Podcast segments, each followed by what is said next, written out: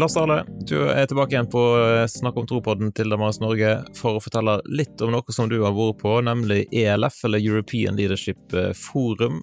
Eh, følger du podkasten veldig nøye, så har du hørt at Lars har snakket om det før, men dette er altså noe som skjer årlig. Så Lars, hva var høydepunktet på ELF i år? Ja, Det er et godt spørsmål, Kjetil. Vi var 750 samla med veldig innholdsrikt program fra morgen til kveld i eh, fire, fem, seks dager, avhengig av hvor mye en var med på.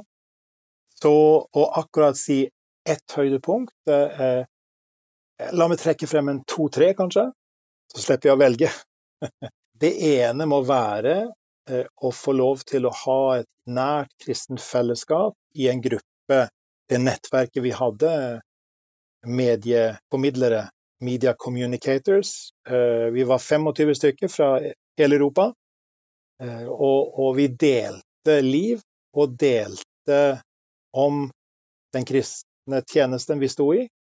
Eh, alle sammen. Det var meningsfullt. Å få høre om store muligheter, store utfordringer, ikke minst knytta til Ukraina, Hviterussland, Russland osv. Men også store muligheter midt i utfordringene. Et annet høydepunkt eh, var å få lytte til en eh, pastor, Konrad Mebeve fra Zambia. Eh, hver tredje eller fjerde år så har vi en bibeltimeholder fra det globale sør, som vi sier, altså fra Afrika, Asia eller Latin-Amerika. Og det er viktig for oss å få lytte til våre trossøsken fra andre deler av verden. Og han hadde en varm og fin forkynnelse og utfordrende på en fin måte. Eh, ut fra Malakias, det siste, siste boka i, i eh, Gammeltestamentet. Så det var en fin sak. Og så var det inspirerende å, å, å høre to unge formidlere på, på kveldene.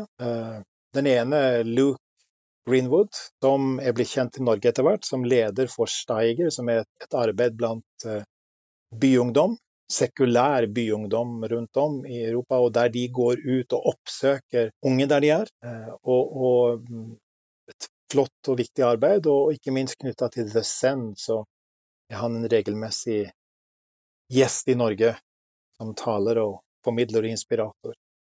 Eh, den andre formidlingen eh, som jeg særlig vil løfte frem på, på Kvelden av unge formidlere, var ei yngre dame fra Tyskland som heter Julia Garshagen.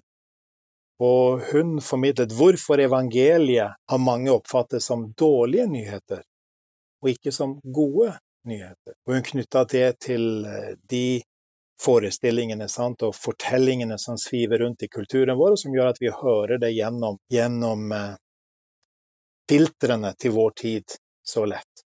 Og hvis det er sant for oss som er kristne, er det selvfølgelig i enda større grad sant for de som står utenfor og ikke har en bevisst eller aktiv kristen tro og engasjement, eh, at den lett så lett farges av vår tidskultur.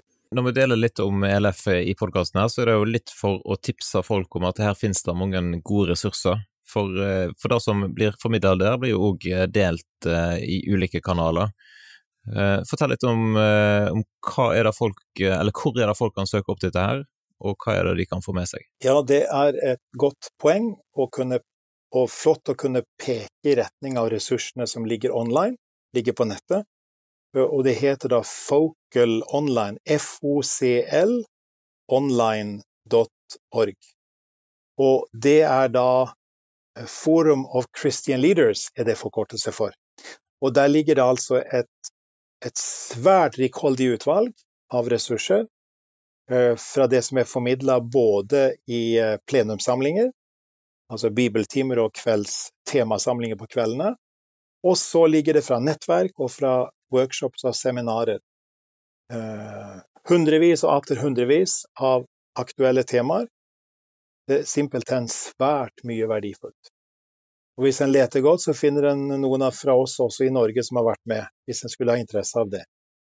Og, og vi har jo fått formidla noe av det også tidligere på podkasten. Det ligger vel an til at vi skal kunne gjøre det fremover. Noe utvalgte eh, formidlinger, eh, taleseminarer, også på Snakk om tro-podkasten.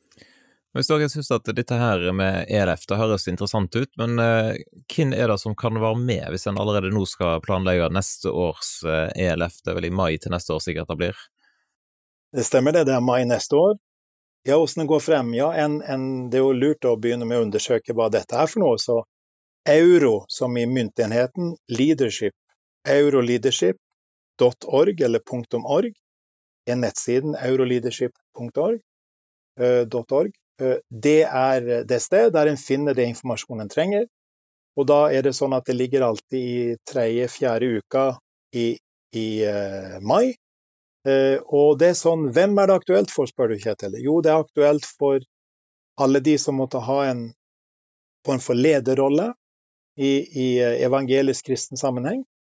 Uh, det vil si at, at, her er det da alle de som er engasjert i, i, i det vi kan kalle lavkirkelig, frikirkelig og deler av statskir gammel statskirke, dvs. Si norske kirkesammenheng.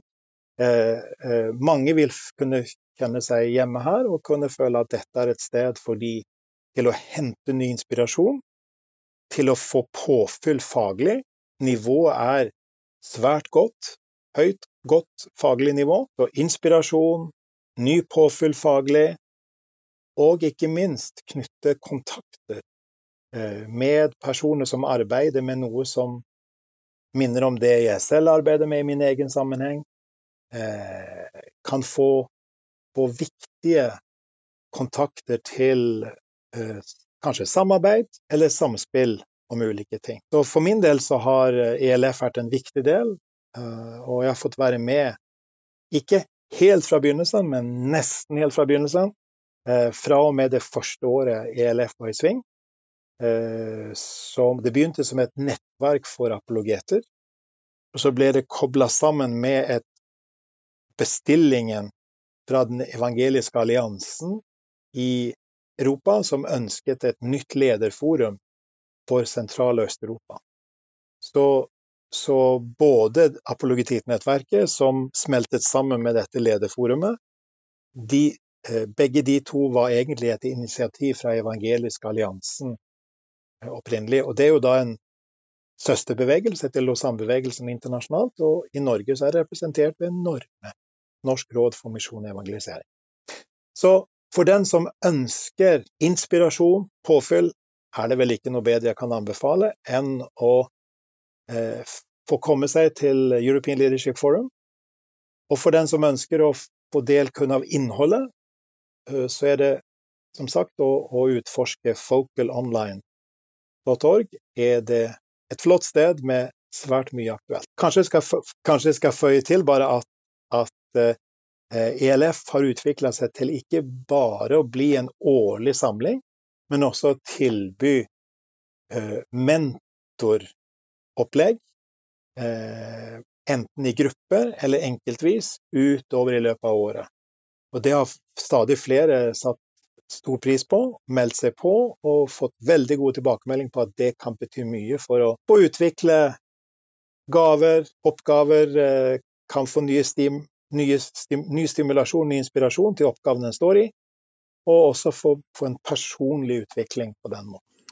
Yes. Så rett og slett mange eh, gode grunner til å sjekke ut uh, euroleadership.org, hva skal du sa?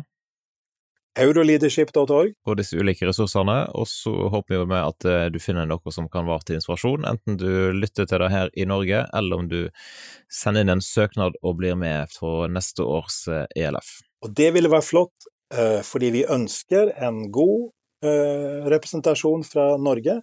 Og det kan jo nevne Kjetil sånn litt på tampen nå, da, at, at Veritas-konferansen har sin opprinnelse Den årlige Veritas-konferansen og Veritas-samarbeidet har sin opprinnelse fra inspirasjon og ideer fra ELF. Og Indremisjonsforbundets lederkonferanse ble også etablert etter modell fra ELF.